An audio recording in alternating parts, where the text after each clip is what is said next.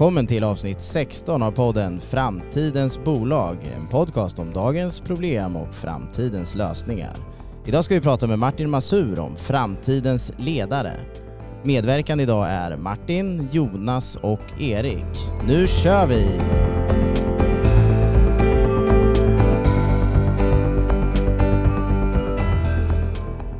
Välkomna ska ni vara till dagens podd och extra välkommen till dig Martin. Vad härligt att ha dig här. Tack så jättemycket. Superkul att vara här. Och vi får även testa idag och jobba med en vad heter det, distribuerad version av podden. Det är också väldigt spännande i dessa tider. Det passar ju bra, eller hur?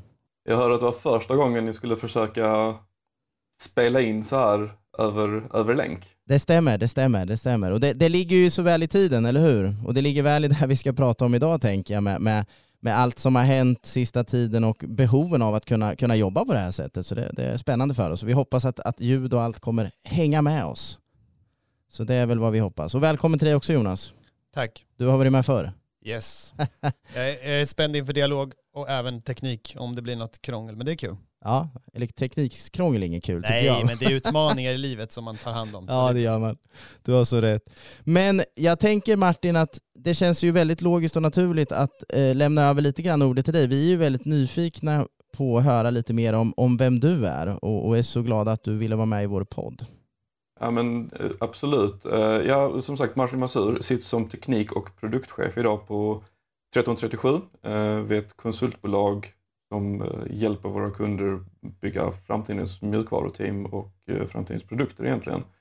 Eh, jag har 20 år i branschen och har förutom en liten stint med ett startup i princip bara jobbat i konsultbranschen. Jag har gett mig en, har gett mig en fantastisk privilegierad ställning till att kunna se både små och stora bolag, jobba i olika roller i olika organisationer Eh, och, har lett mig dit jag är idag, vilket är med en fot i tekniken och, en fot i ledarskapet och, och människorna. Så det jag fokuserar på mest idag är just att, att eh, coacha teknikledare och människor som har ambitioner att bli teknikledare eh, in i den här världen. Och, och, och, just nu så är vi, är vi i den här lite, lite spännande volatila världen och jag påstår egentligen att vi har varit där i kanske fyra, fem år. Bara att det har blivit mer påtagligt idag än vad det, vad det har varit tidigare, tycker jag. Mm. Jag håller med och det, det stämmer ju väldigt väl du säger. Och det, det, är spännande, spännande bakgrund, spännande, spännande historia. Och det, det finns mycket, mycket, mycket att lyssna kring där också. Det väl, vi hoppas väl kunna få lite grann eh, ta del av, av ditt lärande som du beskrev här under, under din, dina år i, i branschen så att säga. Och vi vet ju att du är som oss en, en, en, en tänkande person, en analyserande och reflekterande person som funderar och tänker och vill ha en, en, en, en också uppfattar jag en, en bättre morgondag så att säga. En bättre värld i framtiden. Men, men kan vi inte också prata lite om, om man tänker sig lite grann idag då framtidens ledare och be, be, vad de kommer ställas inför så att säga. Kan det vara intressant kanske att lite backa bandet och fundera på var, var vi kommer ifrån? Eh, till och med kanske fundera kring, eh, i vår bransch började det här redan när IT-bubblan sprack där, vad var det, 2002, 2003 eller? Ja, men, men, lite så och jag, ju, jag, jag, jag missade ju det. Lite, lite tur och otur men när jag berättade för alla att ja, men, mjukvaruutvecklingen, det tycker jag verkar häftigt, det, det ska jag utbilda mig ja. Då fick jag så här, ska du verkligen Ska du verkligen gå in i det där nu? Ja. Det verkar inte gå så bra. Nej. Eh, jag började jobba året efter kraschen. Eftersom jag jobbat i 20 år nu, så, så ungefär 2003. Mm. Där. Så jag brukar säga att jag är del av the cleanup crew. Mm. Vi var ju de som, som kom in efteråt. Ja, och, sant. Känner igen det där Och mitt jobb, mitt jobb innan det var ju faktiskt att jag satt i kassan på Willys ah. under min studietid. Så när jag gick in som fulltids mjukvaruutvecklare eh, och började leverera ett system till eh, Smittskyddsinstitutet faktiskt, då fick jag 500 kronor mer i månadslön än vad jag fick i kassan på Willys. ja, det, är liksom, det är referensramen för, ja, för, för, för vad det betyder vara part of the cleanup crew. Ja. Liksom.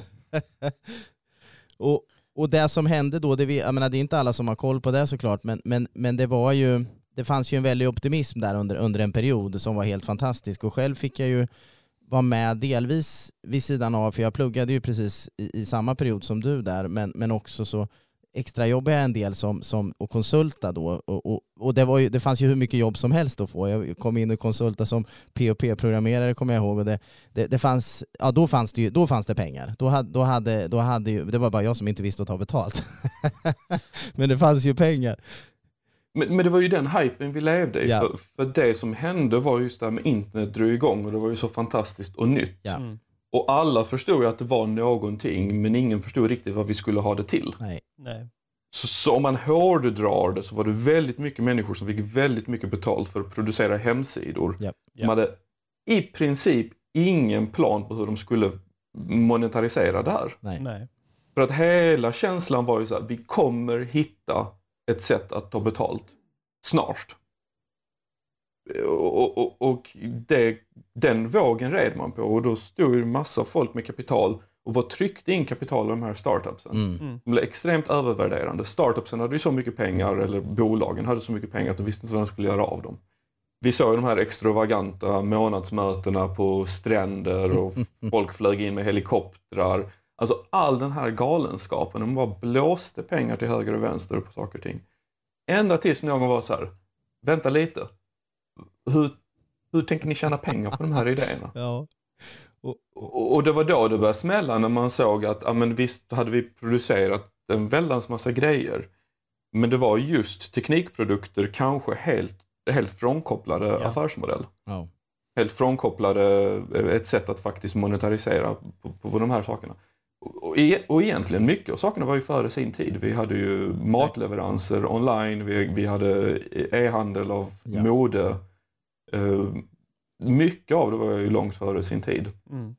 Ja, det var det. Men, men, det var det, det var det som bidrog till att det sprack. Ja. Folk, folk började ju fråga sig, men var, var, finns pengarna? Och så började man inse att det finns ju inga pengar. Så de här bolagen är inte värda någonting, kommer aldrig bli värda något. Nej.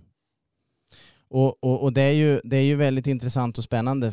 Men som sagt, var, vi fick vara med och, och, som du säger då, städa upp några år efteråt. Och jag menar det, det som, och det kanske var någonstans, jag vet inte, lärdomar därifrån, men också annat som har gjort att vi, vi, vi inom åtminstone tech då har, har, väl, har väl utvecklats en hel del eh, genom åren. Där, där, kan man väl ändå säga, tror jag, att vi inom tech har, har legat långt fram när det gäller eh, det här som vi kommer prata mer om idag med, med framtidens ledarskap. Det är min känsla i alla fall.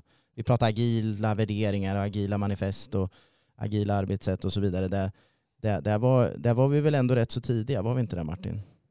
Jag tycker det beror lite, lite på hur man ser på det. Det blir ja. väl en väldigt filosofisk fråga. men, men vi, har ju varit, vi, vi, är ju en ny industri och, mm. och, det svänger ju mer i det nya än vad det gör Sant. i det gamla. Mm. Och, och, och liksom för, för, att för lyssnarna här förtydliga vad vi menar med Part of the Cleanup Crew. Det jag såg i alla fall, och jag tror ni såg det säkert också, när man kom in var ju att istället för det här High Chaparral, lite cowboykänslan, mm. vi, vi kör så det ryker. Vi hade väldigt rigorösa kravspecer när jag började jobba. Mm. Eh, väldigt noga utformade, ganska bra liksom, tajta projektmodeller med olika faser, gates vi skulle gå igenom och den typen av saker. Mm. För att då hade man ju tröttnat på det här att nej, men nu, nu kan man, vi kan inte bara göra vad vi vill. Vi ska, vi ska ta in metoder från industrin. Mm. Vad det gäller liksom projektledning, vi spesar saker, vi utvecklar dem, vi testar dem, vi releasar dem. Och, och hela den här metodiken skapades och den var ju egentligen inte gjord för mjukvara. Ja, just det. Till, överhuvudtaget. Och den kom ju från industriella sammanhang. Mm. Och motreaktionen mot det var ju sen då agile. Där man sa men så, det här, vi kan inte jobba så här. Nej. Det här är inte så vi gör i mjukvara. Utan vi håller med, vi kan inte vara så fria som vi var under den här IT-boomen. Men vi kan inte vara så strikta som vi är i industrin. För att, mjuk, att bygga en bil och bygga liksom mjukvara, det är inte samma typ av, av arbete. Nej. Och då har vi utvecklats liksom ytterligare en nivå i det. Så, mm. så att jag tror det, det är de här olika svängningarna mm. som på något sätt eh, går, går in och ut hela tiden. Mm.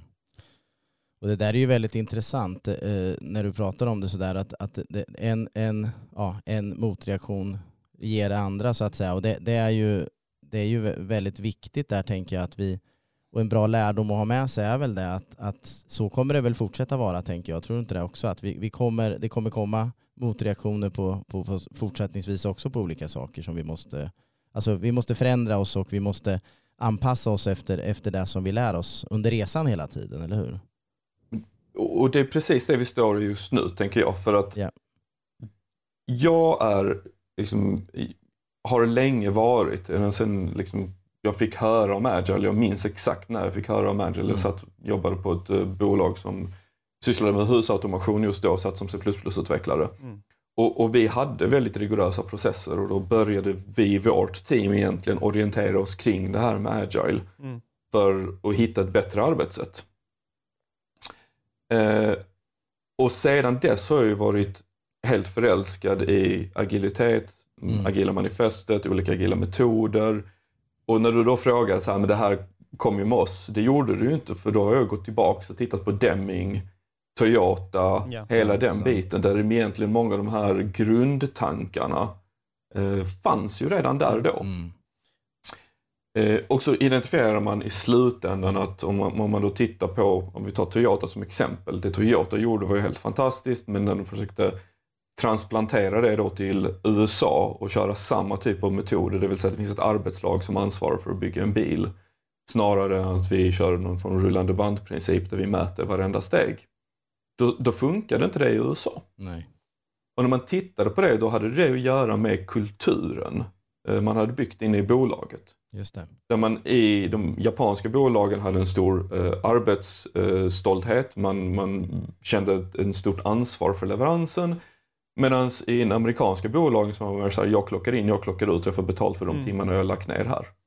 Och när man då inte kände något ansvar för leveransen, då funkar det inte heller att jobba i de här arbetslagen. Nej. Och, och, det är ju det här vi pratar med det, med det moderna ledarskapet. För att du då är den moderna ledaren och försöker bygga det moderna teamet, då måste du hitta den här relationen där du jobbar med tillit, du, du jobbar med det vi kallar för empowerment mm. eh, i ditt team. För att få dem till att känna ett ansvar för det arbetet de gör. De har ett högre syfte att gå till jobbet än att de får lön.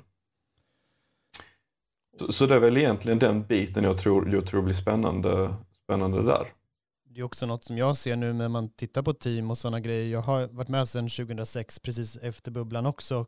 Clean Up Crew känner jag igen med tanke på att man fick göra det som krävdes, saknades struktur. Det här med teamen och, och eh, få in det i teamet med ledarskapet. Det här med att lägga till människan brukar jag prata om, att lägga till i teamet. Och då kommer ju den här tilliten, empatin och att man lyssnar på allas idéer. Och jag tänker att då kommer den här teamet att växa, lite som du säger med Toyota, att man tar ansvar Istället för att man bara har det här, ja men sin roll brukar jag prata om, eller sitt yrke liksom. Det är något, det är något mer. Ehm, och hur, tänk, hur, tänker du, hur tänker du där med team? Jag tänker, också, jag tänker det här med att inte för många likasinnade i ett team. Hur tänker du, hur tänker du där? Ja, men det, det, är väl kanske det vi pratar om mest idag när vi, när vi bygger Bygg, att bygga det moderna teamet handlar ju just om det här med tvärfunktionellt. Eh, och inte bara då, alltså inte för många lika, då vill vi ha in folk av olika erfarenhet. Så vi vill ha in folk med olika bakgrund, mm. eh, gärna liksom eh, som identifierar sig med liksom, olika, om det nu är allt från kön till etnicitet till allt möjligt. Eh, olika erfarenheter, olika socioekonomiska, ba, liksom, olika socioekonomisk bakgrund. Eh, men också då olika kompetenser. Mm. Och, och liksom, vi, vi, kommer komma in på detta hoppas jag, men om vi då pratar om att, att leda i den här nya världen som vi står inför, liksom volatilitet, en av de sakerna som, som vi hela tiden möts av är ju den här idén av att av ambiguity. Alltså vi mm. vet inte riktigt vad någonting är. Nej. Och om vi alla är av samma bakgrund, samma utbildning, samma kompetens och vi tittar på en grej. Ja.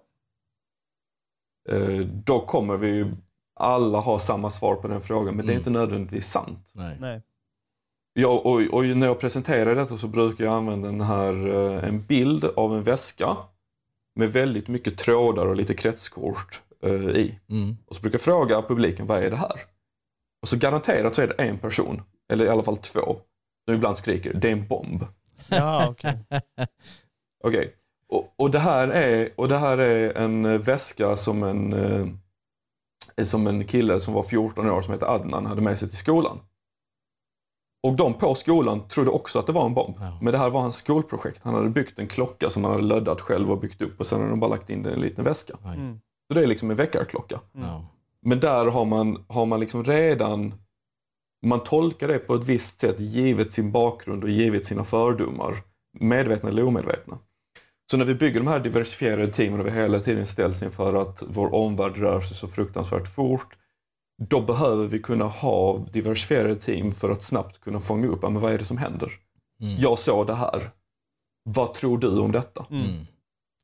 Eh, Och det här, är ju, det här är ju väldigt intressant. Jag tänker mig, om, om jag får tillåta oss här att vi, vi lyfter blicken lite grann igen och, och pratar lite grann och tittar lite på, på omvärlden så, så, så är det väl så att för om vi ställer oss frågan varför behövs då de här teamen så att säga? Ja, då kan vi väl titta lite på hur, hur har omvärlden sett ut de sista, är det året eller kanske ett par åren här Martin? Det har ju hänt en del, eller hur?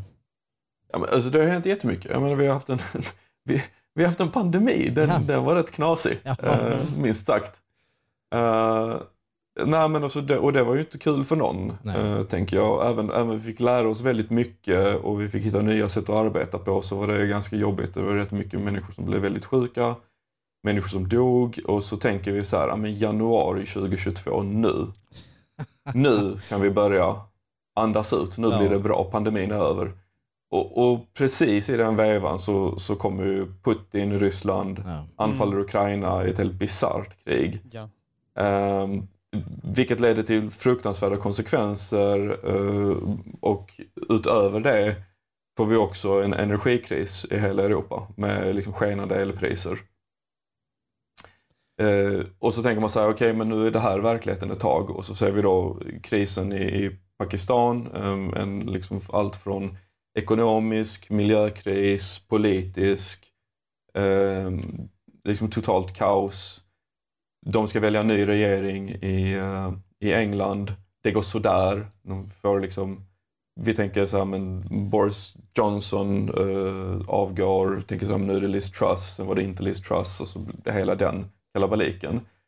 Eh, apropå det här med att alla människor är lika mycket värda och att allas, eh, att allas röst ska räknas så får vi de här protesterna i Iran Mm. precis efter det någon gång i september. Mm.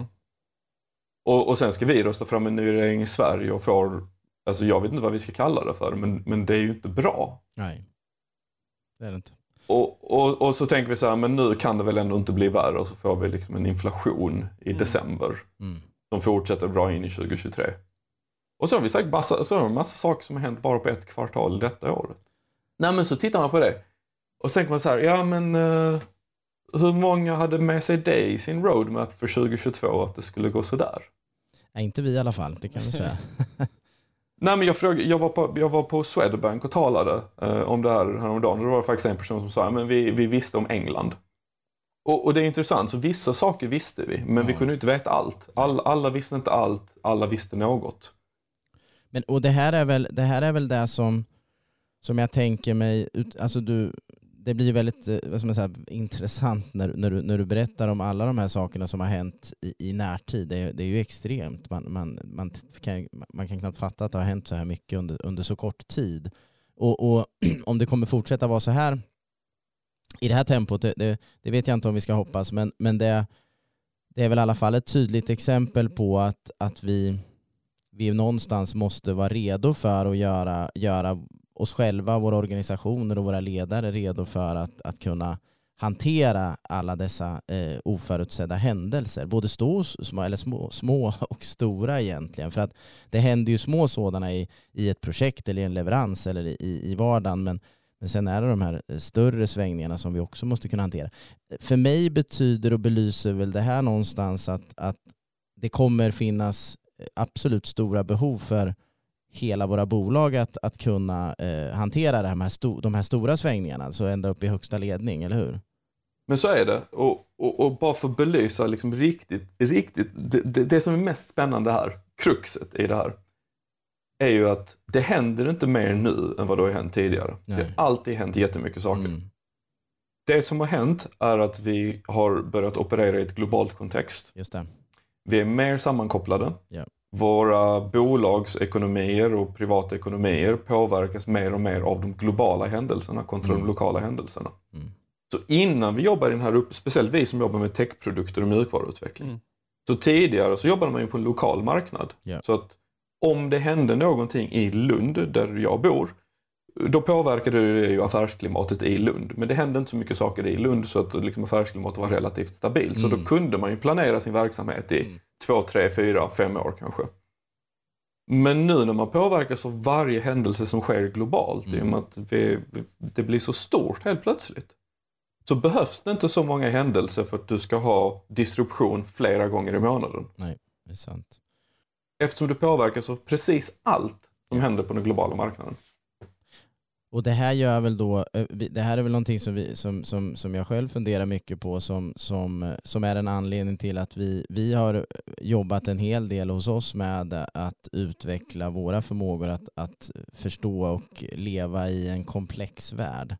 Att acceptera att, att världen är komplex och att, att det går, med tanke på alla de här kopplingarna som du beskriver och hur, hur vi är sammankopplade så, så, så, så blir det ju större risk att, att vi påverkas av de här fjärilens vingslag någonstans i världen så att säga. Och, och det, där måste vi någonstans eh, lära oss att leva med tror ju jag och acceptera att, att det är så och, och på något sätt eh, följa med i de här svängningarna. Så, eh, vi, vi, vi har läst en bok, vi har kört en bokcirkel här kring något som heter System Thinking och, och, och, och där pratar ju eh, Donella Meadow som hon heter, författaren, pratar om att man måste lära sig att dansa med systemet, vilket jag tycker är vackert. Filosofiskt och fint. Men, men det är väl vad mycket, jag tycker det här, det, jag, jag, jag gillar att tänka så, att, att, att man måste kunna dansa med det här tror jag. Vi måste, det, att, att organisationer och individer måste lära sig dansa med här tror jag. Vad tror du om det Martin?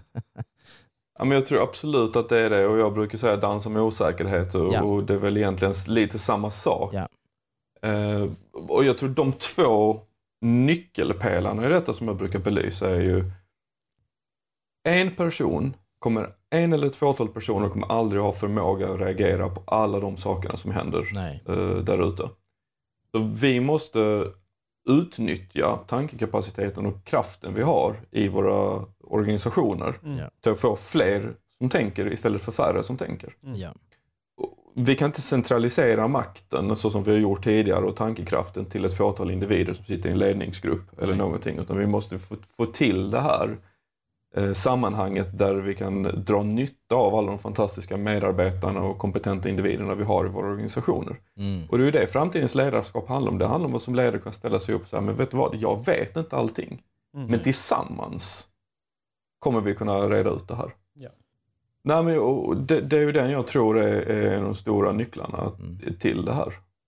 Och, och eh, jag gissar att du känner igen det då i det. Vi, vi brukar prata om att använda kollektiv intelligens som ett, som ett begrepp för, Mm. för det du, du pratar om. Och, och, och det känns ju väldigt viktigt och det, det, det kan väl ta med oss in lite grann på att, att och fundera lite kring som jag tycker är intressant. Hur, hur ska man hur ska man liksom ska man säga, eh, som organisation så brukar jag brukar prata om att man, man designar sin organisation eller sitt system för, att, för vissa beteenden så att säga. Så hur ska vi uppmuntra den här kollektiva intelligensen eller den här, eh, det du pratade om att vi ska få fler att tänka så att säga och tänka tillsammans. Har, har, har du några tankar där hur vi kan hur vi kan i en organisation, eller kanske som ledare för den delen då, eh, agera på ett sätt så att det här, det här blir av. För det är lätt att prata om det här men det är, svårt, det är alltid svårare att, att, att implementera eller att få, få det att hända så att säga. Ja, men vi brukar prata om det här med leda med sammanhang och jag tycker det, det är Mm. helt rätt. För att, för att det det innebär är ju att framtidens ledare behöver ju kunna ställa sig upp, måla en vision. Mm. För att det, här är, det här är vad jag tror på, det här är vart vi ska. Eh, gå först Ja. och sen få med sig folk frivilligt på den resan. Mm. Och frivilligt är ju nyckelordet här. Mm. För att när du får med dig folk frivilligt på en resa, då är de engagerade i din sak. Ja. Och jag brukar ju då använda eh, Gandhi som exempel där, för Mm. jag tycker det är så fantastiskt när han skulle marschera ut den här salt, saltmarschen. Mm.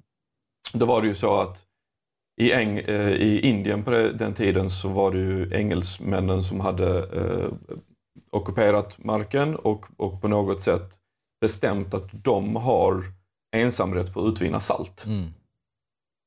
Och, och, och det bestämde Gandhi att det var en av de stora orättvisorna. Och hans dåtida eh, med, medprotesterande, eller vad de tyckte att han var ganska galen. För de tyckte att varför, varför bryr du dig så mycket om salt? Ja. Det finns ju andra stora orättvisor, det finns så mycket annat som händer här Mm. som är problematiskt för oss än att du ska gå in och liksom hålla på och protestera den här grejen med salt. Mm.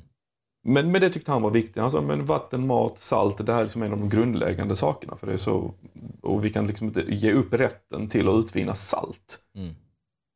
Och då ställde han sig upp och tog ett, ett fåtal dussin eh, personer från sin sanga, eh, den, som är deras liksom, religiösa grej, och började vandra nästan 400 kilometer eh, och stannade i varje, varje stad, varje by. Mm.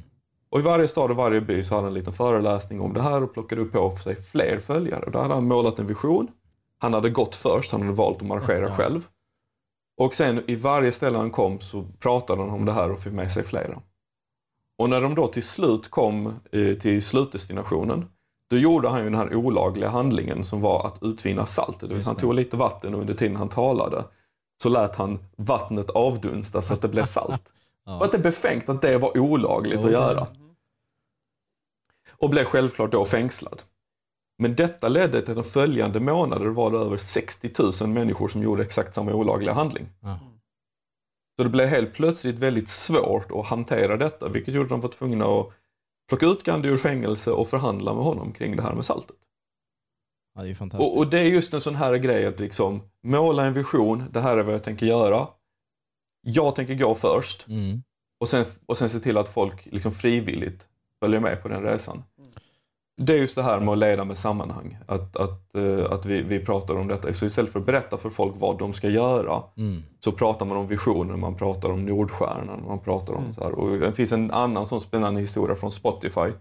Jag har själv aldrig varit på Spotify, jag har själv aldrig jobbat med Spotify. Nej. Så här har jag hört från, från människor som har varit där. Där det fanns liksom ett par år där radio var lite problematiskt för Spotify. Mm. Och då var ju tongången i princip från, från Daniel Ek att vi måste, liksom, vi måste lösa det här radioproblemet. Mm. Inte hur vi ska lösa det, utan men, radio är problematiskt för Spotifys fortsatta tillväxt. Mm. Så radio ska vi angripa här. Och då var det ju olika team som på olika sätt valde att angripa radio. Playlist-teamet gjorde det på ett sätt via att skapa, eh, skapa liksom andra typer av playlists, andra typer av mixar, man började lyfta på podcast på plattformen. Eh, man skapade Daily Drive och ett par andra sådana initiativ.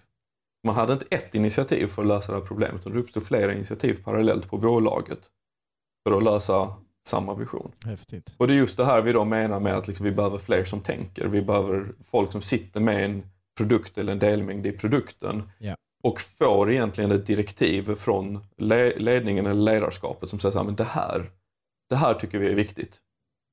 Och sen måste de titta på det problemet och säga, okej, men, men för vår produkt, vad betyder det för vår produkt? Hur kan vi agera på detta? Mm. Vad skulle vi kunna göra? Och effekten av det blir att när de väl då släpper den här produkten, när den väl kommer ut i produktion, då känner de ju ett eget ansvar för att den lösningen de har släppt lyckas. Mm. Till skillnad som det är i många organisationer idag. Ja. Man kommer in, du får ett krav, du utvecklar kravet som utvecklare, du skeppar det. Mm. Genererar inte den featuren bra business sen? Det är inte ditt problem. Nej, precis. Du byggde ju bara det du blev tillsagd. ja. Så, så vi har väldigt mycket kompetenta ingenjörer, utvecklare, designers eh, som sitter som fabriksarbetare Mm. i de här featurefabrikerna. Mm. Och skeppar feature efter feature, känner inget ansvar för helheten. Och då kommer vi tillbaka till det vi pratade om tidigare, att det finns liksom en kulturell grej här. Ja. Som man måste bygga upp, där man, man bygger en kultur där människor känner ett ansvar för produkten, känner ett ansvar för lösningen. Ja. Känner ett ansvar för affären och, och, och den biten.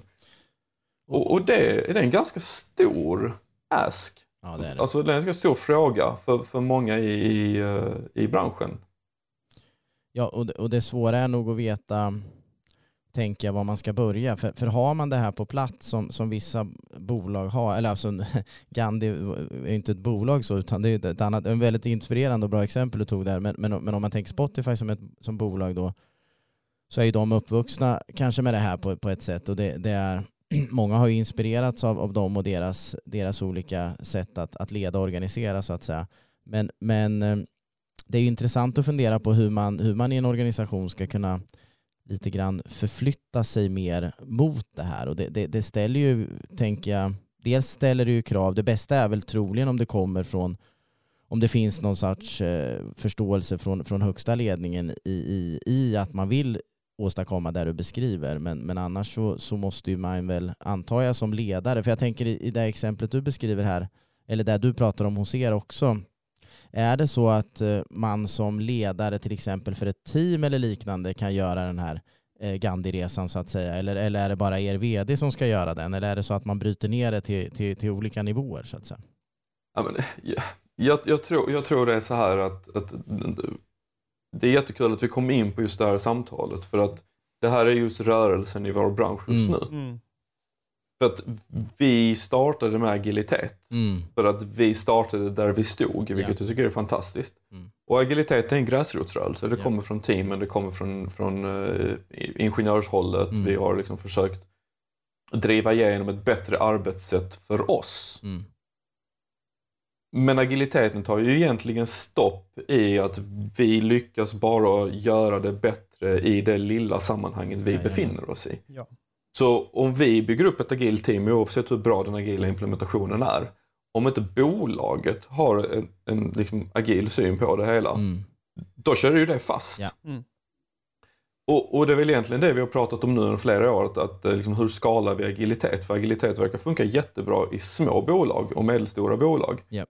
Men när vi kommer in på skala agilitet så blir det helt plötsligt komplext. Mm. Och då är det för de här två olika världarna möts. Vi har den här nya världen med det agila, med, med en, en viss typ av ledarskap eh, där vi försöker leda med sammanhang och så, så har vi en annan värld där vi helt plötsligt möts av liksom kontroll mm. eh, och, och, strukturer och ordning och reda och hela den biten. Mm. Så, så, och så klaschar det någonstans i mitten och så får vi typ safe. Ja just det. Ja.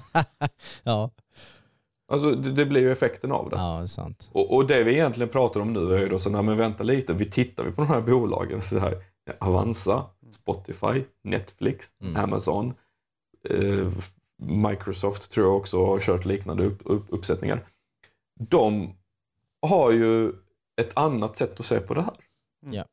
Där det här kommer från, från ledningen. Så mm. att, jag, med det här är en oändlig debatt, jag kan liksom inte jag har inget svar på huruvida man kan gräsrotsimplementera något sånt här eller om det behöver komma från ledningen. Men i de engagemangen, i de kunderna där vi har jobbat med detta, då har vi sagt att det här måste vara ett ledningsbeslut. Yeah. För att det blir så fruktansvärt svårt att driva igenom något sånt här om man inte har eh, ledningen med sig, om man inte har hela bolaget med sig. Ja, nej men jag, jag delar den bilden, eller den, så här, den erfarenheten delar jag. Jag, jag har ju jag som du har ju testat att, att jobba, eh, alltså jobbat och driva de här frågorna från gräsrotsnivå eh, tidigare och, och, och, och, det gick ju bra. Eh, jag jobbade bland annat på SE-banken med de här frågorna och, och, aktivt och var tidig med, med den här, ja egentligen vi var väl eh, kan man säga det första riktigt agila teamet som, som, som eh, lyckades etablera sig och, och utmana det som då var eh, SCBUP som det hette då, en RUP, RUP-variant istället så, mm. som, som vi utmanade och fick bra gehör för det och nyfikenhet väcktes och så vidare. och Så vidare. Så, så på så sätt så, så var det ju så var det ett bra exempel på, på när gräsrot lyckas. Men, men, men, men nästa steg i det, det var ju sen att få, få gehör kring det här eh, uppåt så att säga. Så, så, för, så på något sätt så tror jag du kan börja gräsrot men, men du måste ju sen börja sälja in det eh, uppåt tror jag och, och få förr eller senare någon form av gehör högre upp för att det sen ska ta sig vidare och utvecklas vidare och få ett ordentligt genomslag i en, i en, i en mm. hel organisation. Det tror jag också. I alla fall är erfarenheten sån. Eh, men, men du kan ju absolut gå i bräschen, det kan du säkerligen delvis göra underifrån. Men, men jag tänker också som du säger Martin, att jag, jag vill, eller är så här, jag vill, det kanske inte vad jag vill tänka, men det, det verkar vara så att man, man har chansen att påverka andra parametrar eh, om man sitter i, i högsta ledningen i en organisation. Och det, det, det stärks ju även om man tänker sig av systemtänkeri så att säga och, och då man pratar om leverage point i system thinking där man, där man har olika delar i ett system eller en organisation där man kan, om man knuffar på ett eller annat ställe så har man olika möjlighet att få ett större eller mindre genomslag i organisationen så att säga. Och, och syfte är ju en sån sak, det här med Nordstjärna som du kallar det den, den är ju en sån, ett sånt ställe, att, alltså en sån leverage point. Att liksom, är du där och pillar och ändrar den i ett system, eller, då, då kommer hela systemets beteende eh, förändras. så att säga. Då får du ett väldigt stort genomslag för hela systemet. Och oftast är det ju så att de som är i högsta ledningen har ju vissa sådana leverage point kanske närmare sig att påverka så att säga, tänker jag. Mm. Men jag, jag, tror, jag tror absolut, men det handlar också om vad är det du vill få för effekt med förändringen. Om vi nu ja. tittar på effekten så vad har effekten av agila metoder i teamen mm. varit? Mm. Effekten har ju varit kvalitetshöjande framförallt. Mm. Så då pratar vi om att vi har fått mjukvara med bättre kvalitet, mm. fått bättre, bättre arbetsro, vi har fått mm. bättre sätt att jobba på. Mm. Eh, vi har fått bättre, bättre sätt att reagera på konstiga krav. Liksom, när beställare kommer och vill förändra sent i processen så har vi fått bättre, bättre sätt att reagera på det. Mm. Så vi levererar bättre mjukvara. Givet samma kravspec så levererar vi bättre mjukvara med agila metoder än vad vi gör utan. Mm. Men bättre i, i, kvalitet är inte samma sak som bättre i, när det gäller fit for purpose. Mm. Så den mjukvaran kan fortfarande vara helt katastrofalt dålig för kunden ja, och performa extremt dåligt i marknaden. Mm. Och det kan inte teamet rå för. Nej. Eftersom man sitter i den lilla kontexten. Yeah. Så, såna, så det jag försöker komma till är att du kan bara påverka så mycket genom att förändra på den nivån. Och mm. menar du faktiskt allvar med att sätta ditt bolag i en situation där man skapar de här innovativa nya lösningarna som ingen annan har kommit fram där du kan bli ett Spotify eller ett Netflix eller ett, ett Amazon eller något sånt. Då handlar det ju om att förändra där uppe. Ja, jag håller med.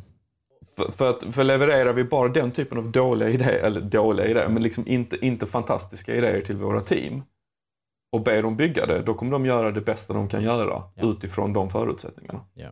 Så där, så där märks då, jag, jag, brukar också tänka att det blir ju, någon har tolkat vad som borde vara bäst istället för att ge det riktiga behovet till, till teamet. Precis som du sa med Spotify, gå ut och lös det här. Mm. Men där jobbar jag också i, mer i våra arbetssätt, det vill säga gräsrotsnivån. Och jag, jag befäster mig mycket i det agila, men också det här med att teamet själva ska få ta ägandeskap, det autonoma teamet. Men här finns det ju också saker utanför dagens, till exempel arbetssätt där man bara levererar mjukvara. Det är just det här också hur man kopplar in människan och behov. Som du sa förut, både människan i teamet, det vill säga de här olika egenskaperna och olika delarna, men också till kund. De bästa leveranserna jag suttit i, det är ju när man får till det här riktiga behovet med kund, när man faktiskt har varit med i en dialog. Och det kan mycket väl vara som du säger, det är ett ledningsbeslut någonstans att man ska ge den möjligheten eller att man inte ska tolka åt teamet. Mm. Så tänker jag, eh, när man blir en del av teamet med kund, så känner jag, då kan man påverka mycket bättre. Ja, men jag håller med. Jag tycker, jag tycker den här... Eh, det vi pratar om är just det här att kunder vet ju sällan vad de vill ha. Det kan mm. väl alla mm. vara överens om det. Att vi ska ju inte gå och fråga kunden så här, men, men vad var det du ville ha kära kund? Mm. Däremot så vet kunder vilka problem de har. De vet mm. vad de lider av. Ja. Och det är när vi tittar på vad är det kunden lider av? Vad är det, vad är det som skapar en smärta? Eller vad skulle vi kunna göra bättre för dem? Eh, och så tittar vi på den tekniken vi besitter. Mm. Den mest moderna tekniken då. Så hur skulle vi kunna lösa den smärtan med, med liksom den tekniken som just idag blir tillgänglig? Då uppstår det väldigt coola lösningar. Ja, verkligen. Och, och, det är ju det man missar för att någonstans när man, när man sitter då i en, i en kontext där man tittar på så här, okej, okay, vad är det kunden lider av och ska vi lösa det så här? Mm. Då har man missat att involvera de som vet vilken teknik som just idag blir möjlig. Ja. Och... Du missar hela innovationskraften mm. eh, genom att inte dela problemet med teamet. Mm. mm. Och, det, och det grundliga behovet kanske med slutanvändaren ja. och inte bara kunden som beställer. Exakt. Exakt, och, och, och, någonstans så är det ju det som, som vi pratar om när vi då, om vi kommer tillbaka till det här med att involvera alla, det är bättre mm. om vi har fler som tänker, mm. mm. är ju att det finns så extremt mycket innovationskraft ja. i, i alla i teamet. Alltså allt från de som jobbar med test, till design, till uh, mjukvaruutveckling, till operations. Alla de sitter ju med någon form av kreativitet, ja. någon form av idé, problemlösningsförmåga. Det är bara som att de är så vana att bli begränsade redan innan, så de har valt att stänga av den ofta. Jag, jag tänker också att det kanske blir bättre. Ja. Alltså det här som håller på att hända just nu kanske är det bästa som kan hända för vår bransch någonsin. Mm. För att, och, och, och det jag påpe menar då är att vi har haft liksom en del massuppsägningar eh, på, på stora bolag.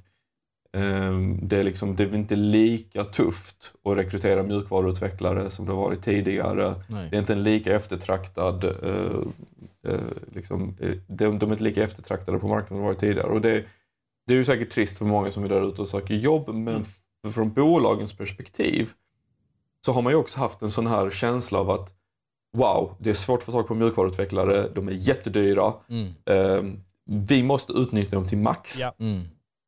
Så vi vill att de gör det som de kan göra bäst, vilket är programmera. Mm. Ja. 110 procent av tiden. Ja. Mm. De får inte lägga tid på något annat, så vi tar bort andra saker från dem. Vi fixar testare och product owners och business analysts som gör allting annat så att de Mm. kan 100% använda den till, till, att, eh, till, att, till att programmera, för det här är en bristvara. Mm. Och, och, och nu när det kanske inte är en bristvara längre, på det sättet. Liksom, Mm. Det är fortfarande svårt att få tag på kompetens där ute, men det är kanske inte är lika intensivt. Nej. Då kanske vi hittar den här känslan av att bolag vågar eh, låta mjukvaruutvecklare titta på andra saker och göra annat som inte är att koda. Mm. Och sen är ju hemligheten från oss som har kodat, så en stor del av mitt liv kodat, är att ingen av oss som kodar åtta timmar om dagen. Nej. Så är det någon som säger det så ljuger de. Utan Ja. vi, är ju- man, man sitter ju mest och funderar på hur Ja, man ska då. lösa problemet. Och sen själva kodandet är så här, äh, okej. Så är det. Man brukar säga, jag tittade på en LinkedIn-klipp också, han sa där 90% av tiden tänker man och 10% är koden. Så att han Ja. hade en diskussion om ChatGPT. Ja, istället för att jag skriver 10 kodrader så kanske jag behöver skriva 4. Det är inget, det är inget Ja. problem, för det, det jag gör som människa och, och funderar, det kan den ändå inte göra. Så det var en del Exakt. om det. Mm. Ja, men det blir också intressant. Jag tycker det, det är superspännande. Jag är extremt positiv till, eh, till liksom rörelsen för, för att vi får bättre verktyg Mm, verkligen. eh, för programmering. För att jag tycker att det är ju det är verkligen så här. eh, Som mjukvaruutvecklare, vi, vi, vi, är inte, vi är problemlösare. Mm. Ja. Det är ju det våra hjärnor är konfigurerade för, för, för att vara. Och sen råkar kod vara språket vi löser problem i. Om någon annan skriver den koden till mig, det gör inget. Nej, det är så jag brukar resonera också. Bara för att jag, är, jag brukar tänka det att just nu så råkar det vara så att koden löser det, men ett annat problem då kanske det inte är kod. Då kanske det är människor, eller så kanske det är något arbetssätt, eller så är det bara en koppla ihop människor, brukar det oftast väldigt vara. Mm.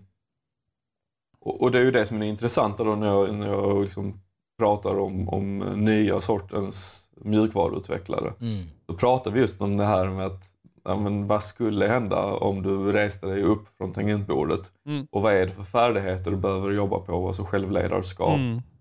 eh, framförallt eh, empati, eh, designtänk.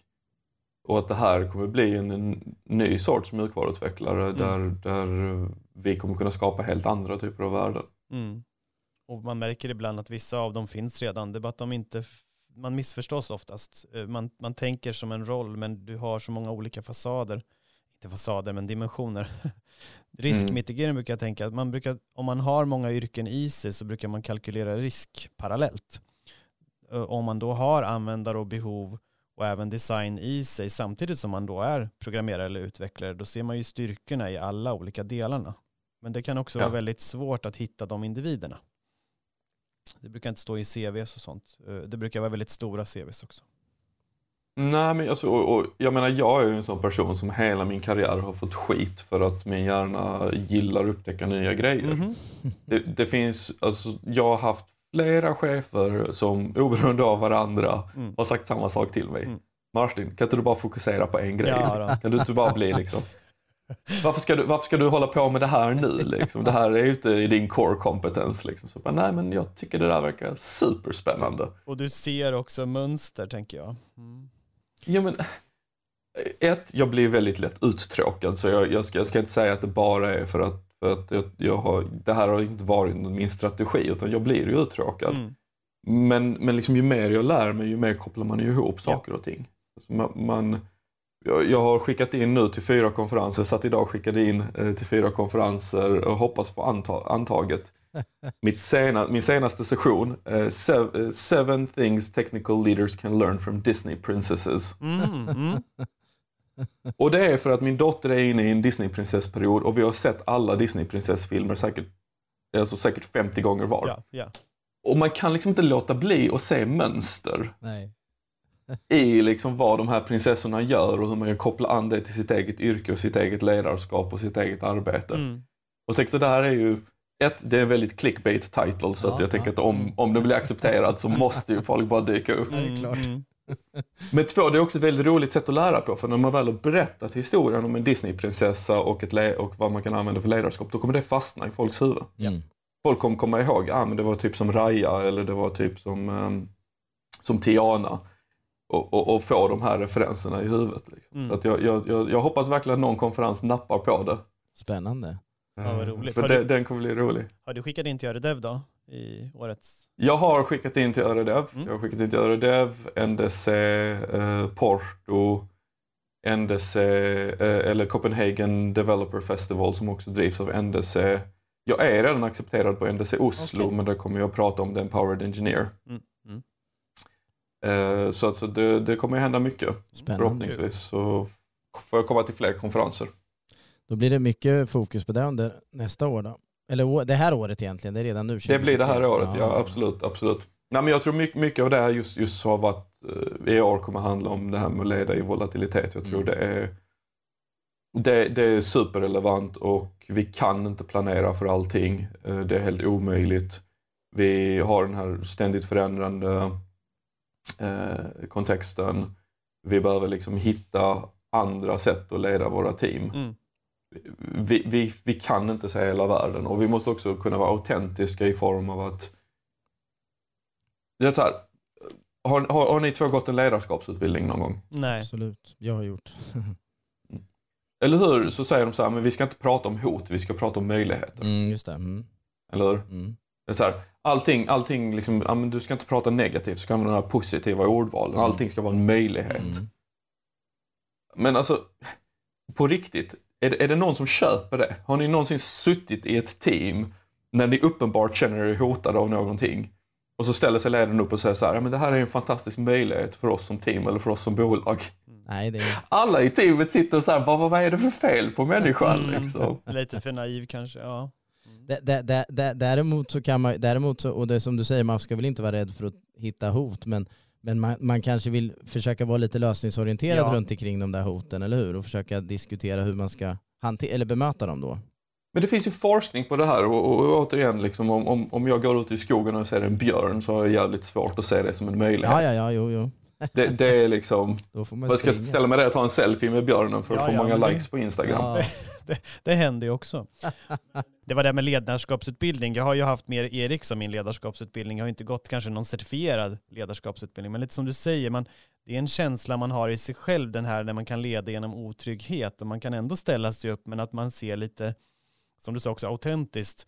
Så här ser det ut. Men jag väljer ju också att se hur, hur, hur ser vi det som en möjlighet ut. Men däremot så kanske man inte fastnar och grottar ner sig i själva problemet. Men man måste ju fortfarande acceptera att det här är, och beroende på vad det är, och det här är en risk och det här får vi se, hur gör vi med det här? Men tillsammans med teamet. Men, men just den här positiva, istället för den negativa, då, då är jag, väljer jag alltid den här positiva vägen, hur ser vi det?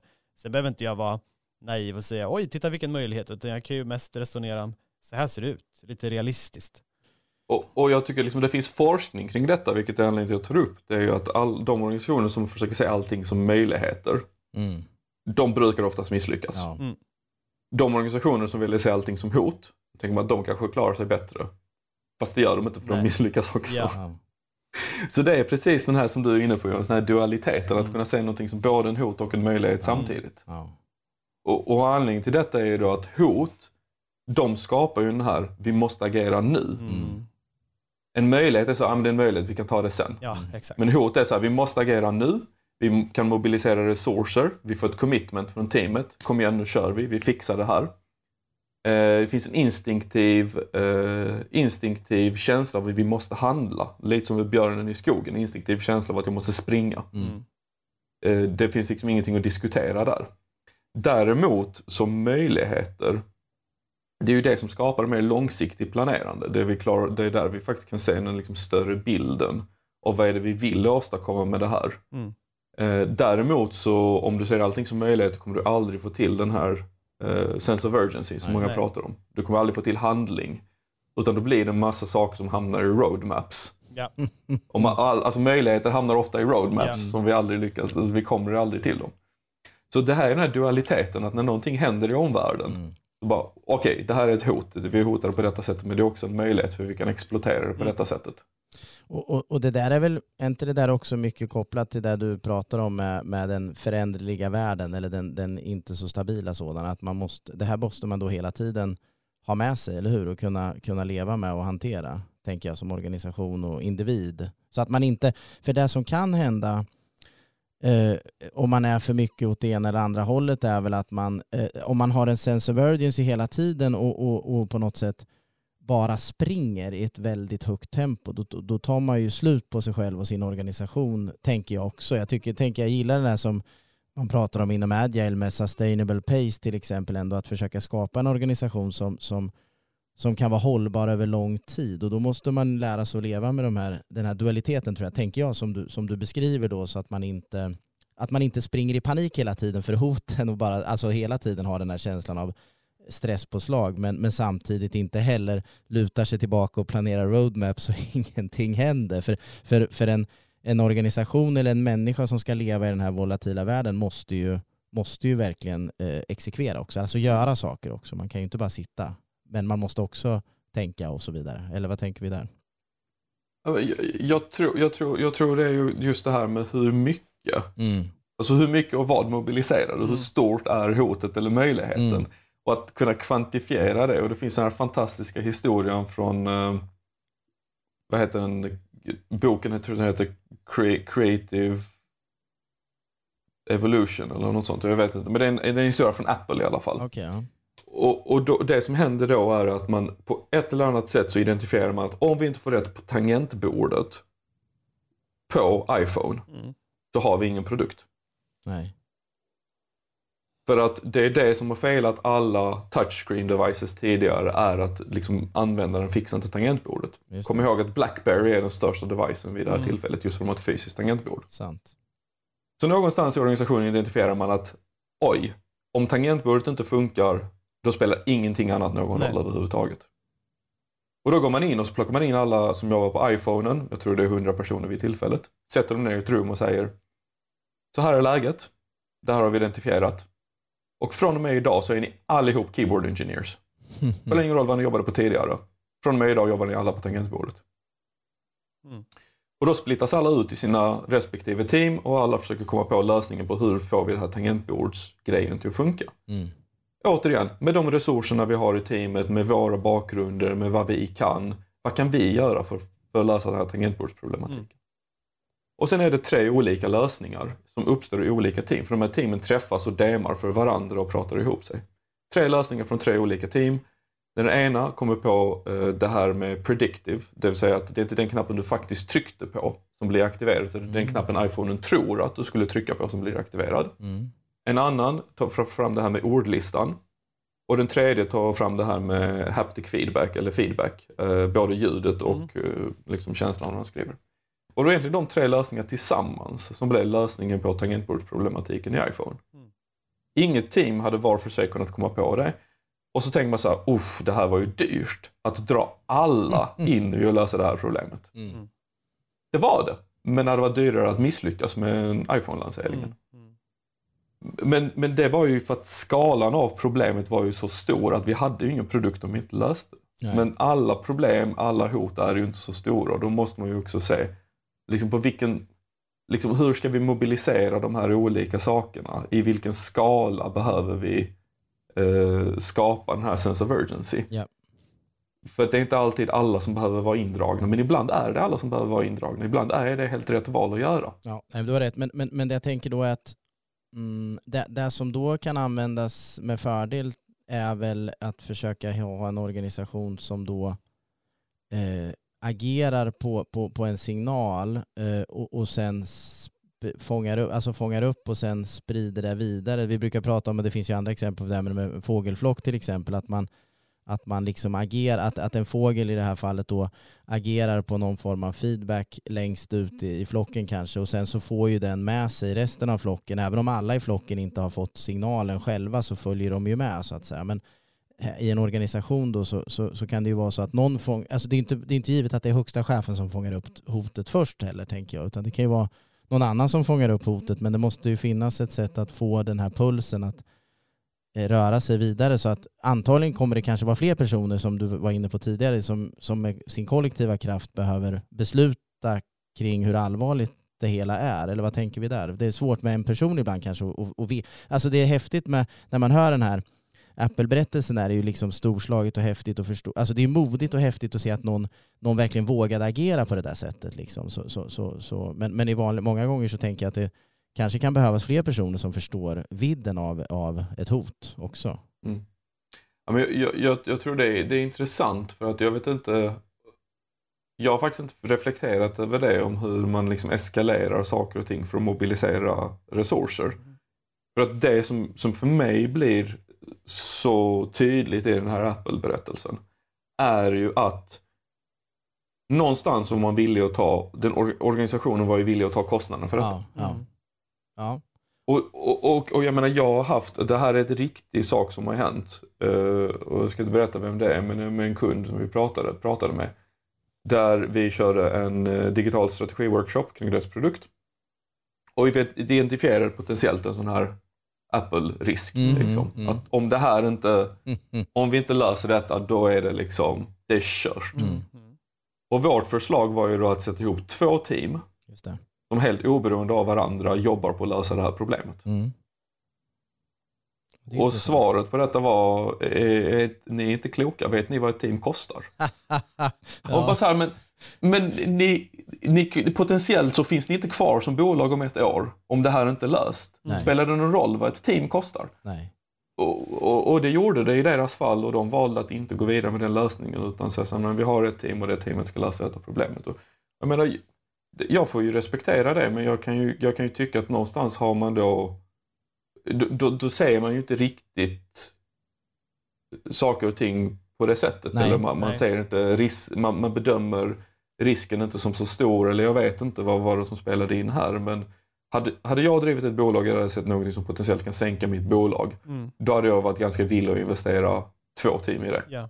Jag håller med. Jag tycker det låter, det låter som en bra lösning. Men jag satt just och funderade på, jag var nyfiken på huruvida ni lyckades få, få, få kunden i det här fallet att, att, att ta det beslutet eller våga göra mm. det. Men då gjorde de ju inte det. Och det, det är ju, nej. nej. men då är det ett sådant exempel. Och ibland så ibland kan väl det, det kan ju ibland såklart få, och för Apple hade det ju tydligt fått förödande konsekvenser. I det här andra fallet vet jag ju inte, men, men, men det kan ju mycket väl få förödande konsekvenser om man inte vågar investera i att hantera, som du säger, den här typen av, av, av allvarligare risker och hot. Men, men, men det kräver väl också, i vissa organisationer så tänker jag, så kanske man inte är beredd att lyssna på den här typen. Det var därför jag pratade om det här med signaler och hur man kan liksom få, mm. få, få det att liksom få, få, få en organisation att, att ta det på allvar, varifrån det än kommer så att säga. Eh, för att jag tror att i många organisationer av mer hierarkisk karaktär så skulle man inte lyssna på de här signalerna om de kommer från fel håll. Då ska de komma från en, eh, en hög chef. Och, då, och det, det kan ju vara livsfarligt och det ser vi ju. Det har man ju sett exempel på också genom mm. historien så att säga. Vad som kan hända i en sån organisation. På tal om att hantera vol, vol, volatil omvärld så att säga. Ja, och, och, det är det jag inte riktigt har något bra svar på. Jag har faktiskt aldrig, äh, inte riktigt funderat på, på, på hur man eh, liksom sätter upp den typen av, av kommunikationsvägar eller, eller hur man eskalerar äh, liksom risker som uppstår någon annanstans Nej. på ett sätt, speciellt i en hierarkisk organisation, där de blir hörda och tagna på allvar. Nej, jag, jag, nej, jag håller med och jag tror att eh Eh, Eh, jag tror att det kan vara svårt att, att på riktigt få det här att funka i en hierarkisk organisation. Eh, om det inte är så att, ja nej, det kanske kan gå men jag tror att det är svårt. Man, har, man försöker väl med olika medel, det kan vara risk, risklister och det kan vara olika saker liksom så. Men, men, men frågan är om det ändå får riktigt den, den effekten. Jag tror, alltså, är det något som blir dyrt och kostar mycket pengar i en hierarkisk organisation, om, jag, om någon, någon, någon kommer viftande med, med någonting och vill försöka få uppmärksamhet från högsta ledningen, och, och, ungefär som du beskrev i exemplet där, så, så, tror jag det kan vara väldigt svårt. Eh, faktiskt. Eh, det kan gå, men det, kan, det är svårt. Och, och, men om jag tänker i en mer framtidsorganisation så, så tänker jag att då vill man ju ha då vill man väl ha eh, vad ska man säga, former för att fånga upp sådana här signaler. Man, man, man vill väl antagligen, tänker jag, då tänka mer som du var inne på tidigare Martin, i nätverk och, och, och kanske försöka alltså se att det finns andra kopplingar än bara liksom den strikt hierarkiska och, och, och då uppmuntra genom att ha eh, exempelvis eh, mötesplatser, forum eller, eller sätt att, att verkligen ta varandra på allvar utan att mm. fundera på vem och varifrån man kommer i organisationen, tänker jag.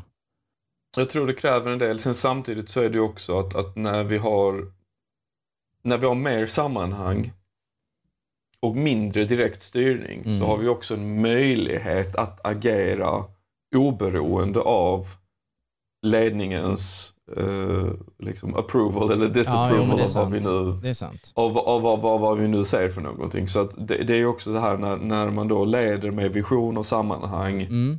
eh, produktprinciper eller principer pratar vi mycket om också. Vad får vi, vad får vi inte lov att göra? Om två saker ställs mot varandra, vilket kommer vi är det liksom profit eller är det våra, våra etiska värderingar som mm. går över vartannat? Alltså den typen av dokument tycker jag man behöver upprätta. Så att man kan fatta snabbare beslut inne i teamen. Mm. Ja, så att varje sak inte behöver eskaleras. Mm.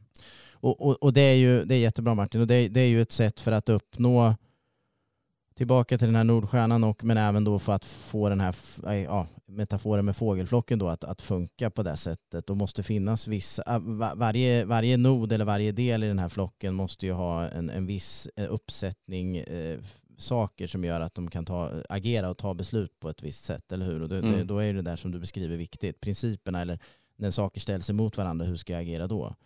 Då, mm. då är ju uh, chansen är ju större då om jag ska hö höra vad du säger där, att, att uh, organisationen tar hand om hoten direkt kanske också. Alltså att, att de, alltså, det måste inte finnas eskaleringsvägar på det sättet utan, utan organisationen tar hand om många kanske hot i, där, närmare där de är då, eller hur? Men så är det. Och jag, jag, har haft en, jag, har en väldigt, jag har haft en väldigt kort stint som VD. Jag var interim-VD här på 1337 ett tag när vi var, var mitt uppe i ett VD-byte en mm. gång. Och, och, då pratade jag med en annan eh, person i mitt nätverk som är VD så pratade vi lite om så här, vad går jobbet ut på? Vad är det egentligen vi gör? Mm. Och, och, så här, för det finns lite olika syn på det. Ja. Men liksom en, en intressant grej som, som här sa till mig, så han, liksom, om du är duktig på att vara VD så har du nästan ingenting att göra. Mm. det är ju svinbra. Vad bra sagt. Det är jättebra. Och, och, och, sen så har jag då så försökt, har jag omformulerat det här på mitt eget sätt. Nu vet jag inte hur mycket folk ni har som utvecklare som lyssnar på den här podden. Men är man utvecklare, man ska förklara VD-skap för en utvecklare. Så är det så här. En VD är catch all som är i toppen på din applikation. Mm. Ja just Ja, den är bra. catch exception liksom i toppen på applikationen, det är ja. VDn. Ja. Och beroende på hur bra du har byggt din organisation som VD, hur duktig du har varit på att sätta upp error handling på rätt bitar och ja, ge rätt direktiv till de olika delmodulerna. Mm. Ju mindre skit får du i din catch all. Mm. Ja, just det. Den där var ju jättebra. Och, och ja. det märker du när du sitter som VD, för liksom är det så här, men du får någon fråga så här, men kan jag köpa pizza liksom? Ja. Vad, vad fan får jag frågan, kan jag köpa pizza för? Exakt. Ja, ja, okej, det är klart du kan köpa pizza. Kommer den frågan en gång, kommer den två gånger, tre gånger, ja, men då har du ett systemproblem. Ja. Mm. Det du måste gå och göra, då måste du gå in och tweaka systemet och säga, men så här ser det ut liksom, om, med pizzabudgetar i de olika grejerna, bla bla bla. Ja. Okej, nu ska det felet förhoppningsvis inte uppstå igen. Nej.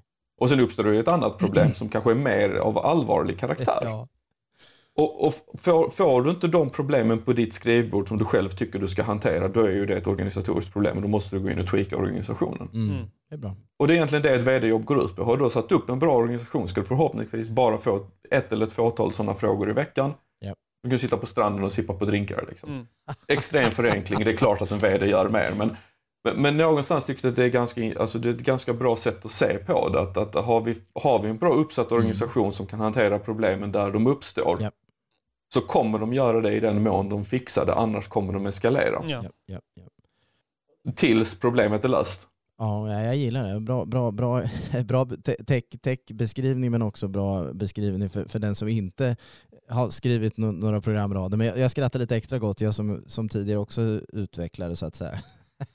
kan väl känna igen mig där. Och, och, och även som ledare så, så tycker jag, och, och, och, kanske extra mycket som vd som sagt, så, så blir det ju den där catch-all och, och, och, att, eh, att också ha det som ambition då. Att, att när det dyker upp för saker av den där karaktären som du inte vill ska dyka upp så är det, är det, är det anledning att, att, att göra något åt det så att säga. Att, att eh, mm. designa vidare på din organisation så att, så att det inte uppnår. Och kanske vara tydligare med att jobba vidare med uh, den, att, att ge skapa tydlig förståelse för den autonomi som man vill ska finnas i olika delar av mm. organisationen och att man hellre vill kanske, alltså att det tas beslut som, som kanske ibland behöver eh, korrigeras men att folk, det är väl väldigt viktigt att folk vågar ta beslut tänker jag inom, inom sitt kontext så att säga.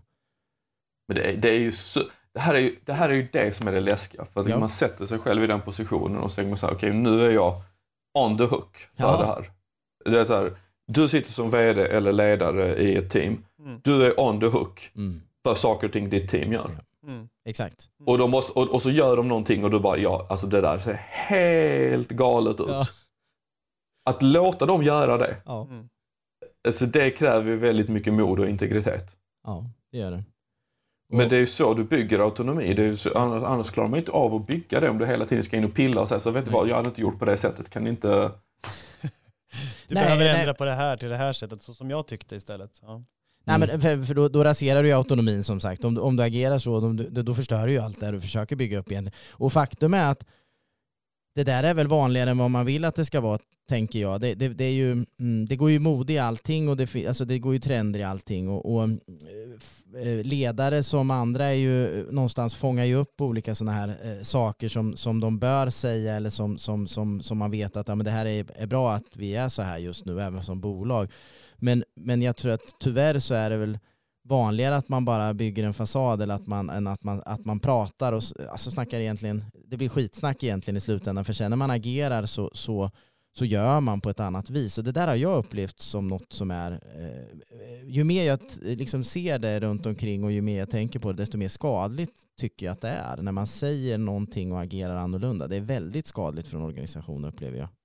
Faktiskt. Då är det nästan bättre att vara ärlig och säga vi är en strikt hierarkisk organisation, vi jobbar så här. Så som du pratade lite grann om innan, att det kan finnas olika paradigmer och olika sätt att leda. Det är bättre att vara tydlig med vad man är för organisationen och försöka uh, hela tiden uh, lägga sig till med saker för att man tror att det är, är bra att säga det. Tycker jag i alla fall. Jag, jag, tycker absolut att det är helt rätt. Jag, jag, jag säger inte att liksom den ena organisationsformen är bättre än den andra organisationsformen. De är bara olika former. Ja. Mm. De har olika effekter, de löser olika typer av problem. Mm.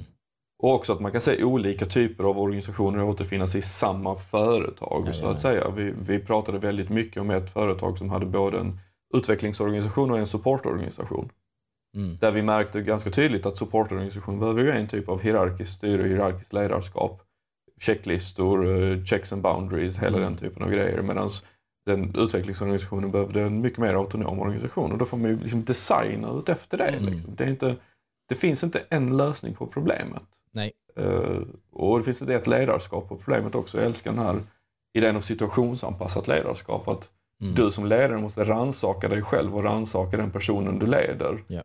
Och, och, och, utifrån det bestämma var behöver jag befinna mig. Mm för att röra det här framåt. Mm. Och det kan, det kan vara så att man behöver sätta sig ner och ge väldigt tydliga direktiv på vad som ska göras.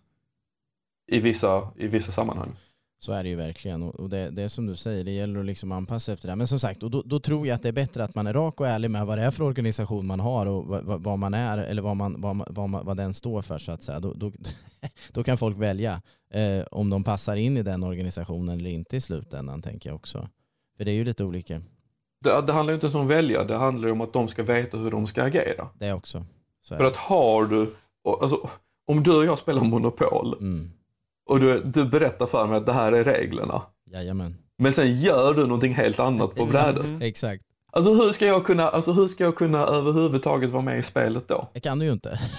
Det kan blir jag inte. Så, väldigt så, att liksom, så, så jag tycker det är klockrent. Liksom. Det finns inga goda underorganisationer men att, att liksom inte vara tydlig med vad spelreglerna är Mm. och, och eh, hur vi ska spela det här spelet tillsammans. Det skapar ju bara förvirring för då Ja. går ju folk runt och tror att de har autonomi och beter sig som de är autonoma. Ja. Mm.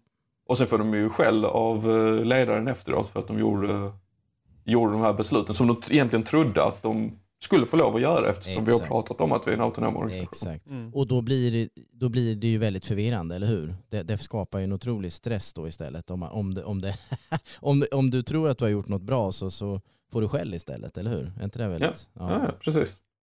Så att jag, jag, tycker, att jag tycker det här du, du pratar om, liksom, eh, gör, alltså, det finns, finns massa olika sätt att lösa det här på. Ledarskap är komplext, driva företag är komplext. Ja. Det finns inte en lösning, men, men eh, jag tror alla tjänar på en tydlighet Mm. i det här är så som vår organisation fungerar. Ja. Det här är så vi ämnar att driva vår organisation. Men, men om, vi, om vi tittar lite mer då annat på som så att säga, framtidens ledare. Eh, var, var, är det något mer vi kan liksom plocka fram där som vi tror eh, kommer krävas av, av framtidens ledare? Eh, och är, är det så här att kommer det vara så att alla måste vara framtidens ledare eller, eller vad tror vi om det? Pratar vi mycket om, det pratas ju mycket om självledarskap bland annat. Alla kommer att vara framtidens ledare för framtiden kommer oavsett om du vill eller inte. precis. Mm. Ja, men jag, jag, förstår, jag förstår frågan men det var, jag var bara tvungen. Ja, men det är bra. Nej, men men, men, men jag, tror, jag tror att det här kommer liksom utkristallisera sig. Jag tror att eh, någonstans så Någonstans så kommer, kommer det bli antagligen inte bli helt och hållet så som vi, vi pratar om det idag men Nej. det kommer utkristalliseras en annan typ av, av ledarskap, en annan typ av ledarstil än, än den som, som har varit Mm.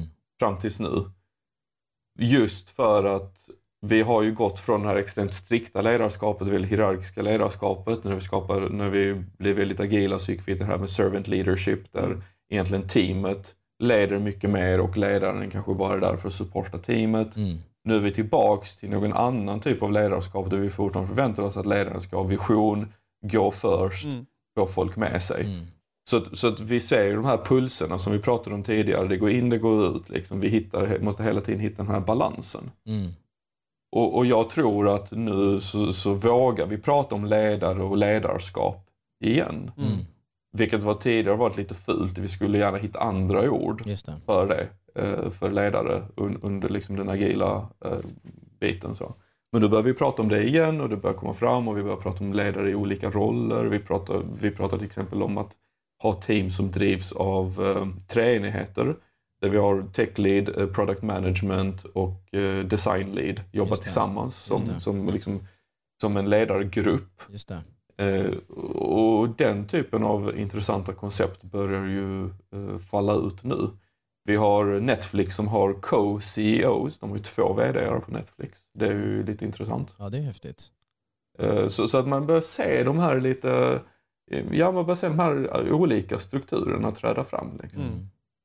Tror du, det är jätteintressant och, och, jag håller med, framtidens ledare kom, kommer, det var roligt att du sa det, ja det, det kommer vi alla vara, vi kommer ju komma in i framtiden, men, men, men ändå så tänker jag att jag, jag, jag, jag tror ju själv att, att eh, och jag vet ju mycket väl att jag vet ju inte hur framtiden kommer bli och jag vet inte exakt eh, om, om eh, antagandena som, som vi sitter med nu stämmer. Men, men just nu så tror jag ju mycket på att, att acceptera just det. Att, att det är mycket vi inte vet och världen är komplex och vi, vi behöver hitta former och sätt att få organisationer och ledare att, att leva i det så att säga. Det var, jag, det var i alla fall jag, Mm. jag tror just nu. Men också så tänker jag att och vill tro att, att vi behöver skapa organisationer och, och hjälpa ledare att, att kunna ta eh, mer kloka och långsiktiga beslut som inte enbart baseras på snabba pengar så att säga. Har du några tankar om det Martin? Vad tror du om det själv?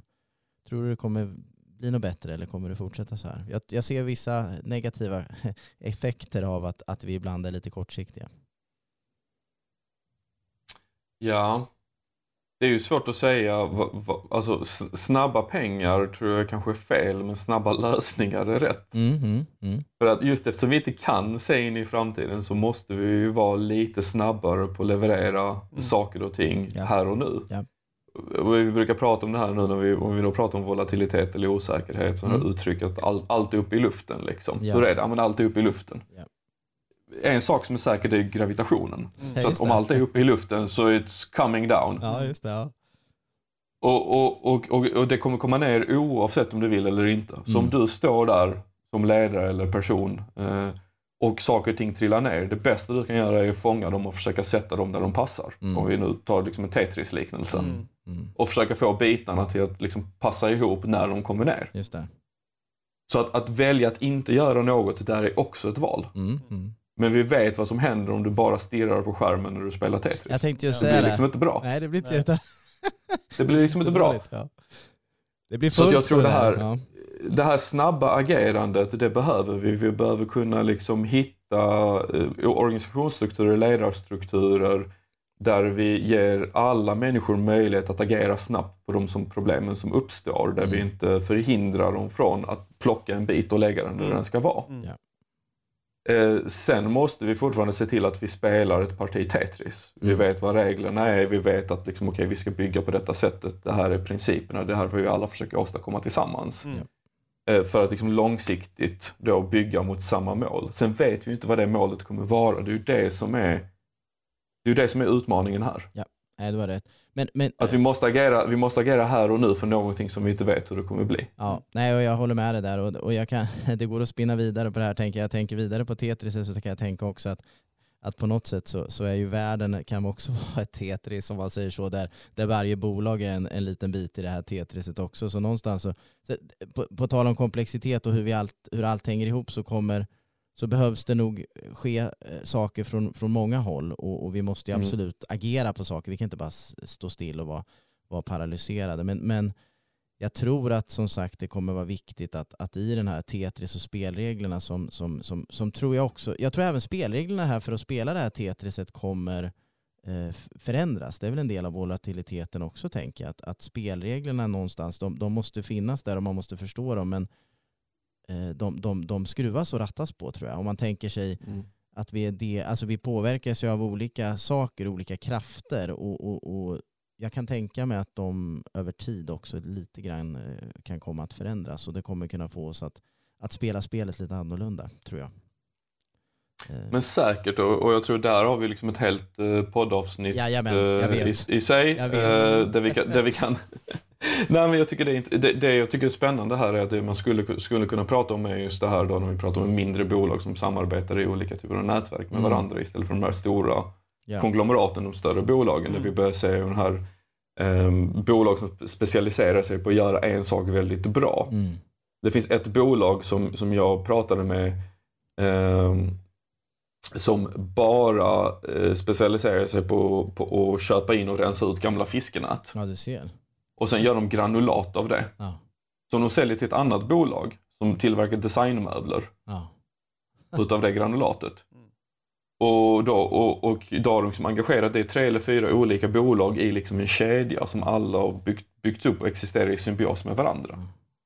Det är Så det finns ju den här typen av nya grejer där vi inte nödvändigtvis pratar om att det är en jätteorganisation utan att det finns många små Ja. organisationer som agerar i nätverk. Ja. Men, men kan vi Så- inte... Äh, förlåt Martin, kör. Så, så det är ju ett helt avsnitt för sig. Det kan Det- vi ju... det-. Det var det jag skulle säga. Kan vi, kan vi inte se det som en anledning att, att, att, att ses eh, framöver i podden igen? Det skulle vara roligt. Det finns mycket vi kan Det prata tycker vidare om. jag. Ja. Det tycker jag. Och sen skulle jag gärna vilja, vilja avrunda den här dagen, för det är där vi har kommit till nu, att vi behöver knyta ihop den berömda säcken för den här gången. Och, Mm. och tänkte säga, du, du ska ju ut på lite andra utmaningar nu här fram, för en stund framåt, eller hur? Vad ska du göra här i, om en vecka? Jag, jag går på föräldraledighet om en vecka. Ja, Mm. Det häftigt. blir jättekul. Ja. Andra, vårt andra barn här. Hur känns det då? Känns det det- läskigt att släppa jobbet? Nej, jag tycker... Lite, men det, men det känns jättebra. Jag tycker det är jättekul. Jag hade superkul med, när jag var föräldraledig med min dotter. Och ser verkligen fram emot att vara det nu med min son också. Vad jag tycker det är jättekul. och, och det, det, det är ju så spännande när man som man i många av de här sammanhangen, så bara, vad ska du, jag ska på föräldraledighet i sju månader. Jag bara, Va? Ska du göra det? Ja. Precis, precis, som, precis som om män inte är föräldrar. Ja, jag tycker det är spännande, spännande samhällsreflektion. Ja, det är det. Uh, och det, det är men jag, släpp, jag, jag släpper inte helt. Jag kommer, jag kommer finnas på um, synas lite på, på events framöver också. Uh, 26 april kommer jag prala, pra, tala om framtidens techteam uh, på ett webbinar från Dagens Industri. Ja, spännande. Bland annat. Uh, och, och, även 16 maj uh, på digital innovation och praktiska erfarenheter och nästa steg kring det. Mm. Också Dagens Industri webbinar, så de som är intresserade av att kolla på det kan ju hänga på mig på sociala medier. LinkedIn kommer jag lägga ut länkar till det. Mm. Perfekt. Så även om jag är föräldraledig så kan jag inte hålla mig borta från vissa av de här grejerna. Men, men ja. Ja, men det är modigt. Det, det, är väl ett gott tecken på att du förhoppningsvis är en, en av de där framtida ledarna, tänker jag, som vågar släppa lite också på, på din, den här, vad ska man kalla det då, eh, kontrollen eller liknande då som, som, som man måste göra om man ska vara föräldraledig. För man kan ju inte vara med i allt eh, på samma sätt och det, det, låter, det tycker jag du gör bra. Det gör du helt rätt. Man, man kan ju inte vara med i allt och, och jag tror någonstans så, så är det ju egentligen bara det finns ju olika sätt att se på det. Jag mm. ser det ju också som ett sätt om att där kvinnor behöver ju släpp, släppa det hela tiden och ja, de har ju också karriär och jobb ja, och ledarpositioner och allt möjligt. Mm. Eh, så jag tycker det är så konstigt att, att liksom världen eller samhället reagerar så konstigt så snabbt det är en man. Som ska vara föräldraledig, föräldraledig under en längre period, att, som det var någon chock. Och sen andra män också som kom fram till en så bara Åh gud vad synd det är om dig. Tycker inte du det ska vara jobbigt? Men nej, jag tycker det ska vara skitkul. Alltså, det, kommer, det är så roligt att bara sitta och bygga klossar och gå ut i parken och ta det lugnt. Liksom. Jag tycker inte dugg att det ska vara jobbigt. Nej. Eh, men man ska gärna tycka det som man. Man ska gärna ah, ja. tycka att det är jobbigt att vara föräldraledig ah, ja. och man ska tycka att det är svårt med barn och alltihopa. Men, nej, nej Dags, dags, dags, för, dags för nya, nya typen av ledare. Mm. Du har rätt Martin och jag ser mycket fram emot att uh, höra av dig framöver och, uh, och så får jag väl tacka så hemskt mycket för att du var med i, i dagens avsnitt och uh, det kommer ju släppas här i, inom kort så håll, följ, följ oss även oss i de digitala kanalerna för att hitta detta spännande avsnitt. Så att vi med de här bevingade orden så säger vi så här. Tack för att ni lyssnade. Håll utkik så hör ni oss snart igen. Vi hör oss igen nästa vecka. Ni hittar oss på framtidensbolag.se och i er podcast-app. Hej då! Hej då! Hej då!